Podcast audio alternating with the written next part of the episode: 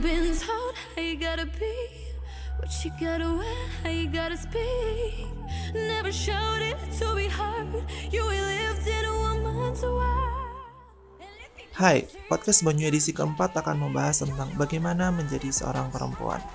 Bersama dengan Mbak Anggarani, kita akan ngobrol dan diskusi soal bagaimana seorang perempuan dan ekspektasi masyarakat tentang mereka.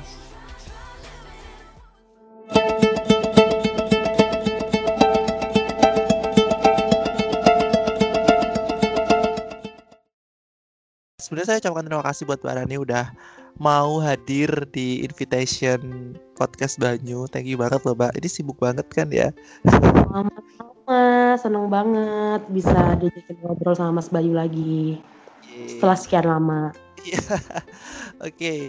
Jadi kita hari ini mau ngobrolin soal menjadi perempuan, Mbak. Oke. menjadi perempuan. Hmm. Jadi Mbak Ran, ketika aku Hmm. ada pertanyaan nih, gimana sih rasanya jadi perempuan? Gimana rasanya menjadi perempuan? Ini sebuah pertanyaan yang em, apa ya? Berat. Berat. Jawabannya pun berat gitu. Menjadi Beratnya perempuan berat gitu. Maksudnya em, ya susah. Banyak tuntutan. Oke, banyak tuntutan. Aku pribadi merasanya gitu. Oke. Apa aja tuntutannya emang kalau boleh tahu?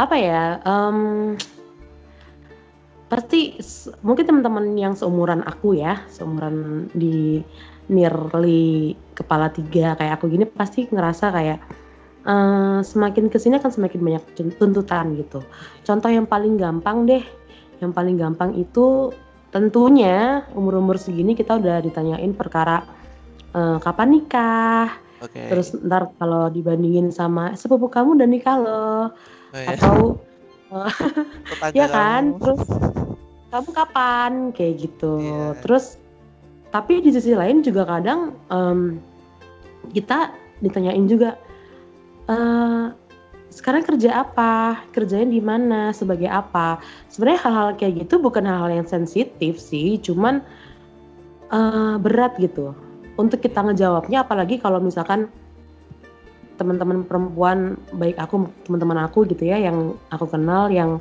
kita serasanya belum bisa ngasih jawaban yang orang pengen denger tuh rasanya jadi berat gitu. Iya, iya. Emang ada kayak semacam standar jawaban gitu apa gimana sih? Standar jawaban menurut orang iya, tapi kalau Oke.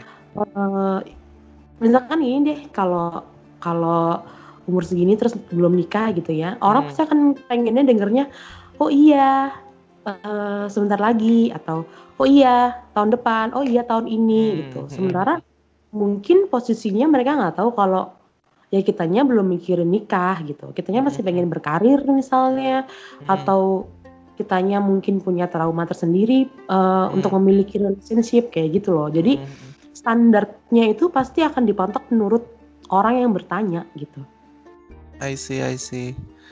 Jadi kalau misalnya orang apa ya kayak semacam punya ekspektasi gitu, apa bedanya sama mungkin setahu Mbak Rani so eh, dengan laki-laki? Kayak kan pada akhirnya juga aku pribadi juga ditanyain gitu, mana calonnya or something gitu.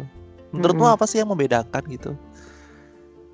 Yang membedakan em, ekspektasi orang-orang untuk kami para perempuan untuk segera menikah di umur-umur segini itu eh, berkelanjutan dengan pertanyaan mengenai anak gitu. Oh ya. Kita yang punya kita perempuan nih Hmm, yang punya rahim gitu kan, yang punya rahim. benar-benar.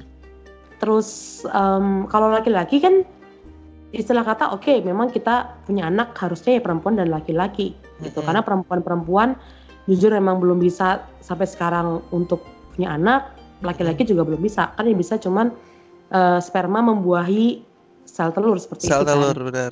Nah kalau sperma setahu aku dia akan mungkin akan kualitasnya bisa menurun seiring berjalannya waktu Oke. tapi kalau perempuan yang mereka tahu, yang orang-orang bertanya tahu, mereka kan pasti bilang lewat umur 30 ntar susah loh punya anak. Iya, kayak gitu. iya.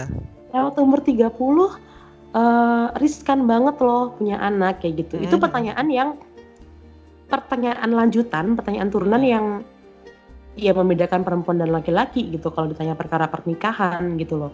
Laki-laki umur 40, umur 50 mau nikah it's okay.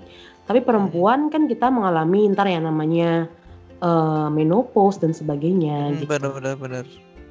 Aku pernah ini sih Apalagi harapannya orang. Mm-mm. dengerin ini eh, Dokter Yu Hasan kalau cowok itu em, kayak masa suburnya itu seumur hidup sepanjang dia sepanjang dia ya masih hidup gitu kan. Tapi em, dia punya kayak masa waktu eh kok masa suburnya dia tuh kayak nggak nggak bisa greng lagi itu di umur berapa gitu istilahnya aku lupa. Tapi kalau perempuan itu kebalikannya. Dia itu bisa greng seumur hidup tapi masa suburnya itu sampai uh, menopause bener gak sih? Iya. kayak gitu. Yap, Heeh. kalau dari ilmiah kayak gitu. Iya sih gitu. Ini kalau kalau ngomongin sos kalau ngomongin eh, ini ya secara ilmiah gitu ya. Kalau secara sosial itu apa ya mbak? Menurut mbak Rani kenapa sih eh, society kita gitu tuh selalu mikir hal-hal yang kayak perempuan itu harus nikah di umur segini segini gini lalu punya anak membesarkan anak jadi ibu rumah tangga walaupun punya karir gitu kan walaupun punya karir ya dia harus tetap jadi ibu rumah tangga gitu. Karena itu pekerjaan dia gitu. Why gitu pertanyaannya. Sebenarnya kalau bisa dibilang eh, ini kan in our society like in Indonesia ya. ya eh, Ini tinggal di sini tapi mungkin akan khususnya berbeda Jawa jika Timur kita- mungkin. Iya. Akan berbeda jika kita di luar negeri gitu. Kalau misalkan ditanya kenapa society kita kayak gitu ya karena itu udah awalnya udah kayak gitu. oke Jangankan sekarang deh kita tarik mundur jauh ke belakang. Kartini kenapa dia dia harus em, apa namanya? dianggap berjuang perem- pendidikan dianggap ah, dianggap pahlawannya wanita karena kan dia kayak pengen mendobrak apa ya? em, culture gitu loh. Hmm, Mendobrak bahwa perempuan tuh harus di rumah, perempuan tuh harus kalau orang Jawa bilang macak mana masak kayak gitu-gitu kan. itu kan. Bukan sejak sekarang tapi udah dari dulu gitu. iya iya iya Kartini udah kayak gitu nih, semua perempuan eh menganggung-anggungkan ibu kita Kartini gitu. Heeh. Tapi di sisi lain, kalau kita inget-inget juga, kalau kita lihat sekeliling-sekeliling kita, perempuan-perempuan, ibu-ibu kita, tante-tante kita, bude-bude kita, dia kan apa ya, eh, memaksakan hal yang, memaksakan dalam tanda kutip ya, Hmm, memaksakan dalam tanda kutip hal yang sama kepada kita anak-anaknya gitu. hmm, hmm. Karena memang itu juga dialami oleh beliau-beliau ini pada waktu beliau-beliau muda, Hmm, diperlakukan hal yang sama oleh orang tuanya, lalu mem- kita juga diperlakukan hal yang sama gitu. hmm, Orang hmm. tua orang tua kita itu menganggap bahwa em, sebagian besar orang tua orang tua kita menganggap bahwa apa yang mereka alami, apa yang mereka alami saat mereka muda diperlakukan seperti apa orang tuanya, kita harus merasakan juga gitu. kayak itu yang paling benar gitu ya pembelajaran itu Iya, paling benar gitu Hmm. Padahal kan sebenarnya nggak bisa dong hmm. Eh, ibu aku lahir 1958, aku lahir 1991. Zamannya aja Hmm. udah beda, kan nggak Iya. bisa gitu. benar-benar Tapi mereka selalu menganggap kita ini anak-anak yang harus patuh dengan mereka gitu. ya Nggak oke salah, tapi ya ya begitu kamu juga tahu sih Mas Bayu Iya. nggak selalu benar juga Iya. gitu kan. Kalau ngomongin soal orang tua nih mbak eh, punya mbak Rani punya saudara laki-laki nggak sih? Atau Aku punya saudara laki-laki, kakak aku laki-laki. ada nggak sih kayak perbedaan gitu dalam mengasuh? Perbedaan mengasuh sih hmm, yang dialami aku ya mungkin nggak dialami semua orang lain tapi Hmm, yang aku alami sih ada. Kalau di rumah let's say em, kakak aku di nomor satukan untuk semuanya dibanding aku gitu. Kakak aku mm, lebih didengar pendapatnya dibanding aku karena kan kebetulan aku eh, anak paling kecil di rumah. Mhm. Aku punya adik, cuman karena dia nggak tinggal sama aku, jadi aku jadi anak paling kecil di rumah gitu. Mhm. Dianggap selamanya kecil, dianggap ya pendapat aku nggak Ya se- kamu anak kecil gitu ya. Iya, kakak aku yang laki-laki ini. Terlepas apakah ini karena laki-laki dan perempuan, cuman ya pokoknya kakak aku ini diagungkan lah gitu di rumah Mhm. gitu. Kayak treatmentnya gitu. Maksudnya kayak gini. em, dibagi gitu nggak sih tugasnya? Misalnya kayak nyapu rumah, ngepel, cuci piring. Itu tugasnya perempuan. Itu kamu gitu. Kakak kamu kalau mau itu ya nggak apa-apa, tapi itu bukan tugas wajibnya gitu. It- ada kayak gitu nggak sih? Kalau dulu sih waktu masih kita tinggal bareng-bareng ya, Mhm. itu ya. Tapi Hmm. eh, enggak sih enggak kayak misalkan kakak aku harus nyapu, terus aku harus cuci piring atau apa gitu sih enggak. Cuma memang dibedainnya ya itu sih tentang pendapat kayak gitu-gitu, Hmm. tentang jam malam. Hmm, Aku ingat banget malam gitu. Terus hmm, apa ya? Tentang misalkan Eh. waktu dulu boleh bawa motor atau enggak kayak gitu-gitu. Kalau I yang- see. Aku harus diantar ke mana-mana. Padahal kita juga bisa naik motor sendiri-sendiri. Tapi kalau Hmm. akunya yang harus diantar ke mana-mana, kakak aku yang boleh sendiri kayak gitu. Di umur yang Iya. sama. Jadi Iya, aku iya, kayak ngebandinginnya di umur yang sama. Kayak gitu. Iya. Kayak itu sebenarnya aku bisa relate sih kalau kayak keluarga itu takut banget gitu jagain anak perempuannya karena takut diapa-apain. Mungkin karena stereotip anggap bahwa perempuan itu lebih lemah daripada laki-laki atau mungkin nggak bisa melawan ketika ada kejahatan gitu nggak sih atau gimana? Aku sih berpikiran seperti itu sih. Heeh. Kayaknya em, di lingkungan kita itu masih berpikir bahwa perempuan ya pasti lebih lemah daripada laki-laki. Mm-mm. Takutnya ntar di apa, dijamret, di apa, kayak gitu-gitu. Begal payudara misalkan kan nggak Iya, ada iya. yang begal payudara cowok kan, yang ada begal payudara. Jadi itu yang eh, mungkin jadi ketakutan juga gitu. Yang sebenarnya sih kalau aku pribadi sih aku merasa itu nggak berdasar sih Iya iya. gitu. Tapi hal-hal kayak gitu tuh apa ya? Juga di society kita karena nganggap perempuan itu lebih lebih apa ya?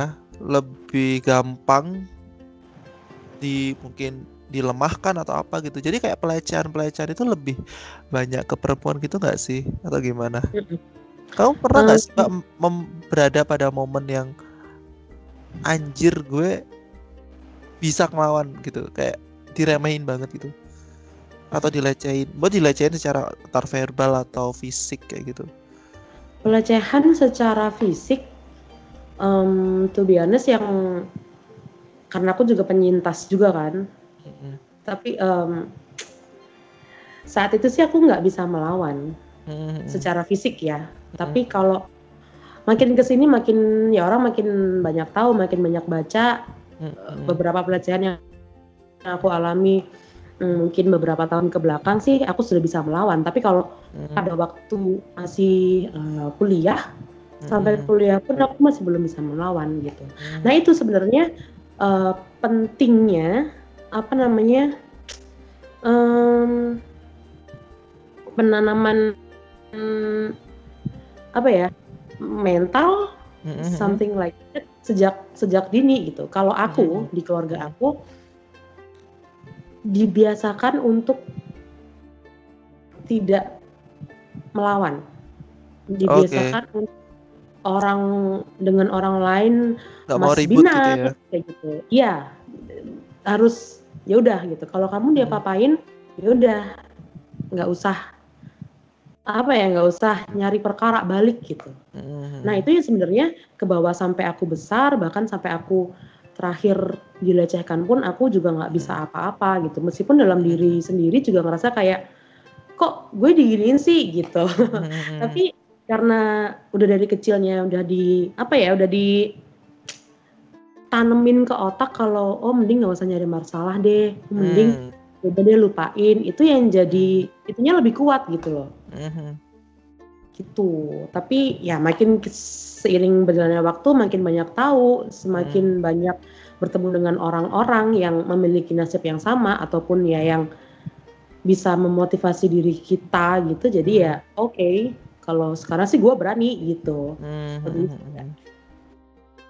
Iya ya. Em, aku pernah Mbak nonton ini nggak sih Kim Jeong 1982? nonton nonton, Nonton banget kan ya? Itu Yes. em, kamu relate gak sih untuk beberapa yang dialami sama Kim Jeong gitu? untuk beberapa cases iya relate Contohnya yang yang aku apa? merasa kayak em, sebenarnya masalah relate atau enggak relate itu bukan apa yang dia alami tapi Mhm, eh, apa ya nilainya nilainya mhm, yang aku relate gitu di keluarga gitu ya mhm. kan Kim Ji Young itu dia harus mm, apa namanya merelakan untuk tidak bekerja Demi dan anak harus ya. Iya, merawat Jadi anak di rumah rumah, tangga. sementara Hmm. jadi jadi ibu rumah tangga, terus suaminya yang tidak tidak melakukan apa-apa gitu karena Mhm, dia merasa ya aku sudah bekerja gitu. Itu Hmm. nilai-nilai yang sampai sekarang masih ada di keluarga aku gitu. mhm.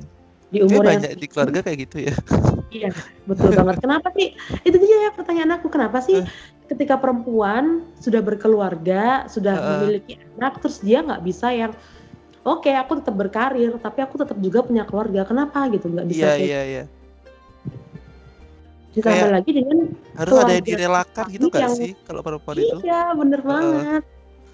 Jadi yang apa ya? Terus kalau yang di Kim Ji Young kan si Kim Ji Young udah seperti itu, tapi keluarga suaminya kan masih kayak yang Nuntut. memandang iya kayak Iya. yang heeh. dia masih lebih rendah gitu loh masih yang Mhm. apa nih apa nih kurang apa lagi nih sebagai perempuan gitu dia udah mengorbankan dirinya sampai dia apa ya sampai Kena gangguan mental nggak sih dia iya itu? segala macam tapi tuntutannya masih ada terus gitu loh Heeh. Mhm, itu dia beratnya jadi perempuan. Iya iya. Kayak em, ya sebenarnya masalah di cowok pun juga masalah karir gitu juga sebenarnya juga tuntutan. Jadi sebenarnya kayak menurutku seksisme patriarki itu tuh nggak cuman ngefek ke perempuan. Menurutku emang korbannya juga perempuan gitu.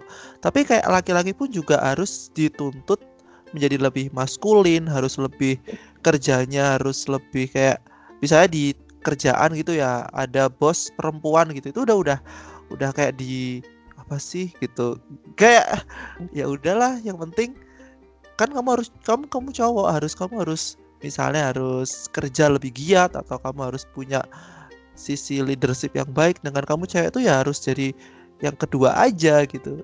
Kayak pada akhirnya ya sebenarnya cowok pun juga bisa jadi yang kedua juga. Ce- cewek pun ya nggak apa-apa gitu ya jadi yang pertama ya sih?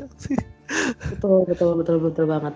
Sebenarnya kalau aku pikir mas eh, sebenarnya ya baik menjadi perempuan maupun menjadi laki-laki itu kita punya struggle-nya sendiri-sendiri gitu. Mm-mm. memang kalau karena kita sekarang lagi bahas perempuan jadi pasti akan condongnya tentang perempuan. Tapi kalau sebenarnya kalau aku pribadi menyadari bahwa ya perempuan dan laki-laki itu punya struggle-nya sendiri-sendiri.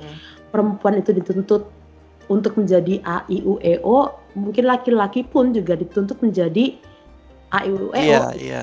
Jadi sebenarnya kalau misalkan mau dibandingin juga nggak bisa gitu ya Mm-mm. kan? Karena ya karena masih ada struggle-nya sendiri-sendiri lah. Mm-mm. laki-laki harus dituntut kuat harus dituntut misalkan Ah. eh, menikah dia harus jadi kepala rumah tangga. Padahal harusnya jadi perempu- perempuan jadi kepala rumah tangga pun juga nggak apa-apa. Benar benar. Ya kan? Laki-laki jadi bapak rumah tangga juga nggak apa-apa gitu. Betul. Sebenarnya sih kayak gitu. Eh, kayaknya ak- eh, waktu di kantor kita yang dulu itu juga ada gak sih yang eh, yang dari US itu kalau nggak salah yang cewek itu kerja tapi yang cowok ngurusin anak dan juga ngurusin rumah ya Ya, sebenarnya nggak Hmm. apa-apa gitu loh kalau pilihannya seperti itu gitu tapi karena di dunia yang sangat maskulin ini gitu pada akhirnya kayak ya cowok tuh harus keluar cari cari buruan uang. cewek cewek di cewek di dalam gitu untuk ngurusin anak sama ngurusin dapur kayak gitu iya ya relate, oke mbak Ran Em, kalau misalnya aku ada pertanyaan gitu kan kalau misalnya kamu ada di kondisi atau posisi ya Mm-mm. berkuasa dan punya power gitu ya. Apa sih yang ingin kamu rubah dari sistem yang mungkin merugikan perempuan gitu? Em, kalau misalkan aku punya power untuk merubah sesuatu sih, aku tuh cuman pengen kayak em, laki-laki dan perempuan menjadi setara gitu. Dalam Hmm. artian apa yang dituntutkan kepada perempuan Hmm. eh itu kayak bukan cuman dituntut untuk jadi untuk perempuannya doang gitu, tapi untuk ke Mm. laki-lakinya juga misalkan, tapi dengan porsi yang eh, berbeda, mungkin konteks yang berbeda, maksud aku gitu, konteks yang berbeda gitu. Tapi kalau untuk apakah perempuan eh, harus ini itu, lalu laki-laki harus nomor dua kan sih aku nggak mau kayak gitu juga. Tapi memang benar harus yang ya setara. Kalau misalkan perempuan dapat 10, laki-laki dapat 10 juga kayak gitu. Karena pada dasarnya sama ya. Bukan berarti aku sempet tuh kayak agak gemes itu kalau misalkan orang-orang gitu kan di Twitter ngomong yang kayak ih penyetaraan-penyetaraan gender ya udah lu aja yang ngangkat lemari kayak gitu-gitu. Ngangkat galon Kan- mesti. Kan iya ngangkat galon kayak gitu-gitu. Eh, Nggak kayak gitu juga sih ya guys, tapi ada juga loh perempuan yang biasa ngangkat galon sendiri, which is itu hmm, ya nggak apa-apa Iya. gitu. iya nggak apa-apa gitu loh. Emang aku tuh kenapa gitu kan? Betul. Dan kalau misalkan aku punya super power, aku pengen yang kayak em, menanamkan, maksudnya kayak mensosialisasikan bahwa iya perempuan tuh bukan makhluk yang kedua loh, gitu. Hmm, hmm, hmm. Benar benar benar. Makhluk yang nomor dua gitu, yang laki-laki harus diduluin, laki-laki harus menjadi kepala, imam dan Hmm. segala macam. Terlepas dari agama ya, cuman Hmm, hmm. ya kita tuh bukan bukan makhluk yang nomor dua yang kalian bisa anggap lemah yang kalian bisa cibir atau apa ya remehin gitu loh Hmm, hmm, hmm, hmm. itu aja sih kalau yang lain-lain sih nggak ada masalah sih Oke, tangkap sih Mbak Ran. koneksinya tuh di pola pikir sih sebenarnya Hmm, hmm, hmm, benar-benar.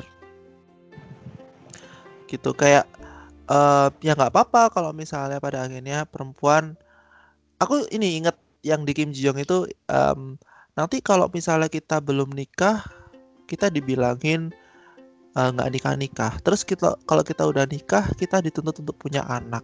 Kalau Hmm. kita udah punya anak kita dituntut punya anak kedua betul. ketiga gitu. Kayak kita tuh nurutin mereka itu tuh nggak ada habisnya. Kim Ji Young waktu eh, pertama kali nikah ngomong kayak gitu kan betul. Ntar giliran anak udah gede ditanya kok sekolahnya di situ sih? Kok nggak di sana? Terus belum lagi kalau misalkan ntar punya anak, oh anak aku udah bisa gini loh, anak kamu apa? Kayak gitu. Itu kayak Iya. beban sih gitu. dan itu yang menjadi apa ya yang menjadi sorotan ketika anaknya I don't know mungkin nakal atau mungkin tidak berprestasi di sekolah well definisi berprestasi juga ra- rancu gak sih gitu? Ya, buat itu juga buat yang disalahin ibunya gitu kan? Gimana sih ngajarnya gitu? Gak bener gitu. Betul. Lagi-lagi perempuan. Apalagi misalnya ibunya kayak kerja gitu terus disuruh em, eh ya bener aja ibunya nggak pernah di rumah gitu nah ini pada akhirnya aku mikir gini woman support woman itu gimana? Em, aku nggak bisa bilang woman support woman is bullshit ya, karena pada dasarnya ya ada beberapa orang yang kita memang saling support gitu. Tapi lebih banyak yang saling menjatuhkan dibanding yang saling support gitu loh. Woman support woman aku nggak bisa bilang it's a bullshit, tapi ya pada kenyataannya memang banyak banget perempuan yang saling menjatuhkan gitu. Faktanya ya. Ya balik lagi ke pola pikir sih. Hmm. Gitu. Iya ya, aku juga setuju sih. Kadang-kadang juga mungkin karena ya itu dunia terlalu maskulin banget gitu kan. Kayak di kayak istilah pelakor lah contohnya. Itu yang selalu menjadi korban itu selalu yang ceweknya. Ceweknya nyalain ceweknya. Padahal kan ya nggak nggak mungkin ada asap dong kalau mungkin nggak ada api gitu kan ya lakinya mau Betul. aja gitu kan Betul, betul banget. oke ya ini udah kita udah 25 menit sih Mbak Ran Em, mungkin mau closing statement atau kesimpulan untuk pendengar podcast ini Em, kalau dari aku sih sebenarnya menjadi perempuan itu bukan hal yang mudah, juga bukan hal yang eh, susah. Dalam artian ini tadi kita akan setiap hari mendapatkan tuntutan, tapi terlepas dari itu semua manusia siapa pun aku, kamu, kita semua pasti punya struggle kita sendiri-sendiri. Mm-mm. Dan em, aku sih lebih bisa menghargai mereka yang punya pola pikir dua sisi. Dalam artian sebelum menjudge seorang ya berarti kita harus ngelihat dulu apakah itu kejadian yang sebenarnya. Dan kita coba juga coba untuk bisa ngelihat dari semua sisi gitu. Nggak semua hal yang kita lihat dengan mata kita itu ya kejadian sebenarnya. Jadi kita Mm-mm. benar-benar harus meneliti, menyelidiki, Mm-mm. menelaah dengan lebih dalam lagi gitu. Mm-mm. Sih kayak gitu ya. Dan mungkin baik sebelum perempuan maupun judgement laki-laki, kita punya struggle-nya masing-masing. Jadi nggak bisa dibandingin, juga nggak bisa disamain gitu. Mm-mm.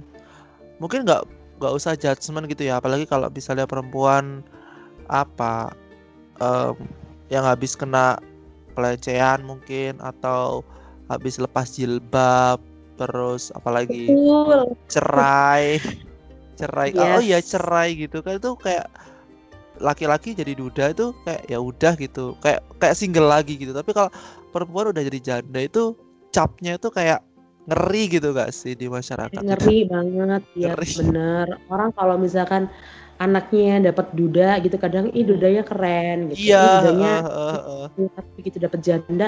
Kok kamu sama janda sih? Iya, kenapa? iya iya iya iya benar benar. Hmm, itu udah jadi ada jangan empat loh udah ada lima. nah tuh. jadi jangan judging gitu. Kita nggak tahu kan masalahnya sebenarnya apa kayak gitu. Itu sih. adil dalam sejak dalam pikiran itu penting ya. Ada sih dalam pikiran betul. Oke, Em, thank you Mbak Rani udah menemani malam hari ini. Obrolannya sebenarnya panjang banget kalau mau diterusin. Kayak ini aku berasa kayak nggak ini sih. Ah, ini udah cepet banget gitu. Thank you Mbak Rani dan semoga teman-teman eh, nangkep eh, pesan dari podcast kali ini. Sampai jumpa dan selamat malam. selamat malam semuanya